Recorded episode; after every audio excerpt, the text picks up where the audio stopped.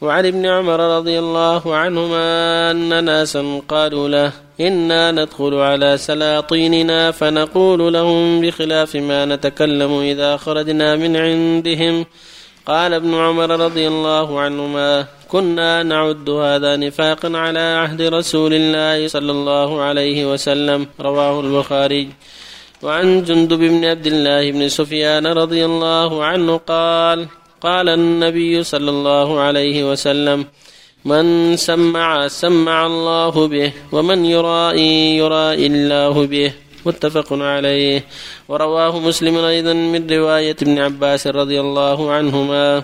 سمع معناه أظهر عمله للناس ريان سمع الله به أي فضاحه يوم القيامة.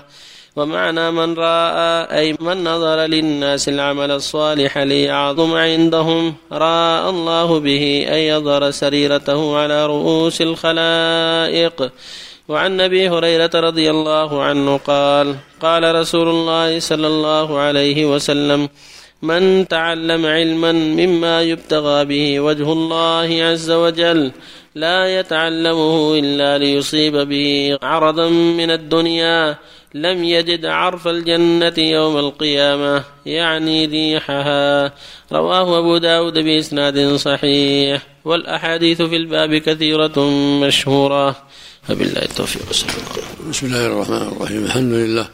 صلى الله وسلم على رسول الله وعلى آله وأصحابه ومن اهتدى بهداه. أما بعد فهذه الأحاديث وما جاء في معناها كلها توجب الحذر من الرياء وأن الواجب المؤمن في جميع أعماله وفي جميع أقواله أن يخلص لله وحده وأن تكون أعماله وتعبداته لوجه الله جل وعلا من صلاة وصوم وقراءة وحج وغير ذلك. لأن الله جل وعلا أوجب على عباده أن يخلصوا له العمل.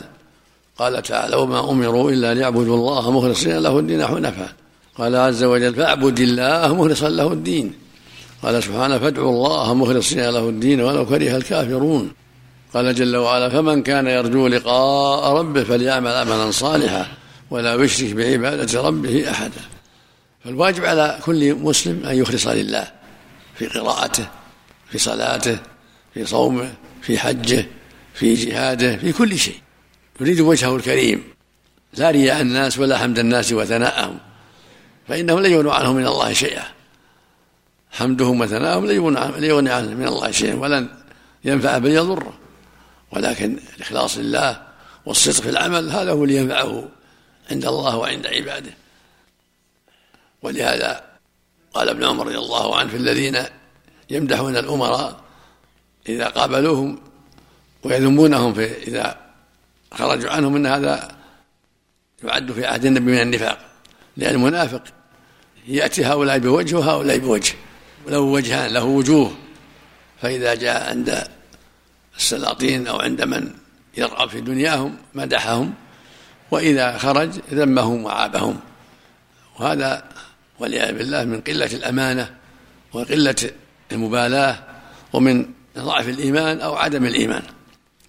فالواجب على المسلم أن ينصف وإذا جلس مع الناس أن يقول الحق سينصح المقصر ويذكر الغافل هكذا المؤمن.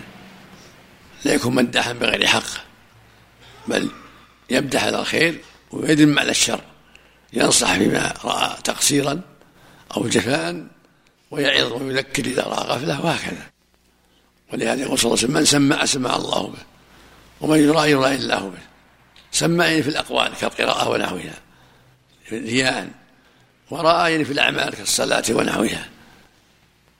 فالمعنى أنه يفضح يوم القيامة يرأى في يوم القيامة يفضح يوم القيامة على رؤوس الأشهاد بأنه فعل هذا رياء لا لقصد وجه الله جل وعلا.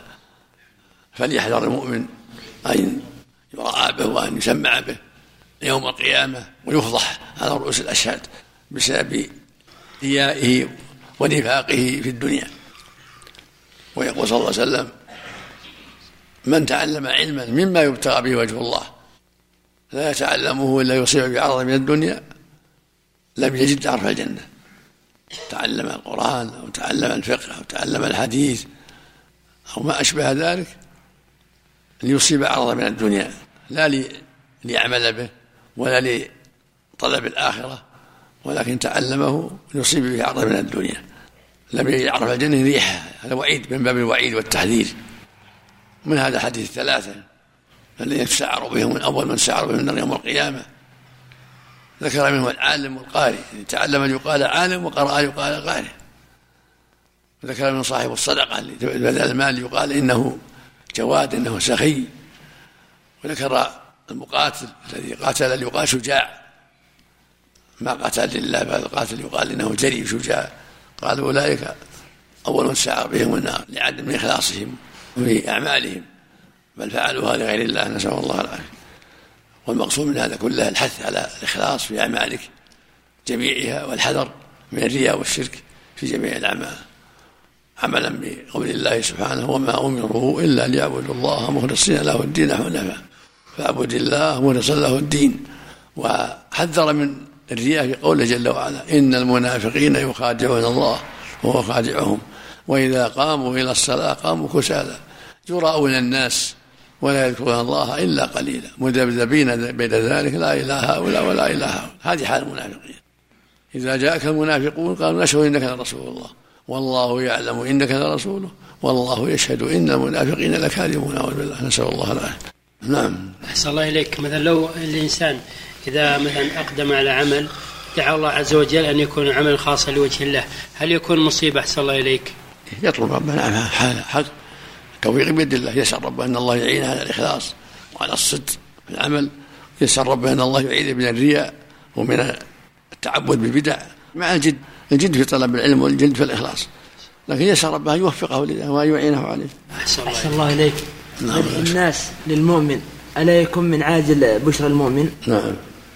بل هذا شيء آخر غير مسألة مدح الأمراء. أول هذا مثل آخر. إذا أثني عليه بما فيه هذا من عاجل بشرى. أما إذا أثني عليه بشيء مهو فيه هذا يغره. لا حول ولا قوة إلا بالله. الله يحسن عملك إذا مدح الرجل في وجهه. إذا دعت الحاجة شيء قليل ولا ما ينبغي المدح. الرسول صلى الله عليه وسلم لما سمع يمدح شخصا قال قطعت ظهره. ويلك. إذا قال أراد أن أحسبه كذا والله حسيبه. وقال إذا رأيتم الداحي فاحثوا وجوههم التراب. الممدوح ماذا يقول للمادح؟ يقول يعني يقول جزاك الله خير اقصر لا تمدح. أنا أعلم بنفسي. نعم الله عليك اترك العمل لك شيء قليل يفعل شيء قليل لا بأس. مثل ما قال صلى الله عليه وسلم لما لما أرى عمر قال لعمر إنك إذا سلكت فجا سلك الشيطان فجا غير فجك. نعم. آه. وإذا استطاع الإنسان أن ينكر بيده على المادة. لا ما ما يحتاج يد. الا حاجة التراب هذا حاجة التراب. إلا اذا إذا أمن امن الفتنة اما لا يكفي يكفي النصيحة. صلى الله عليك لأن بعض الناس ما يتحمل هذا. ترك العمل الصالح من أجل الرياء شيخ. لا ما ينبغي.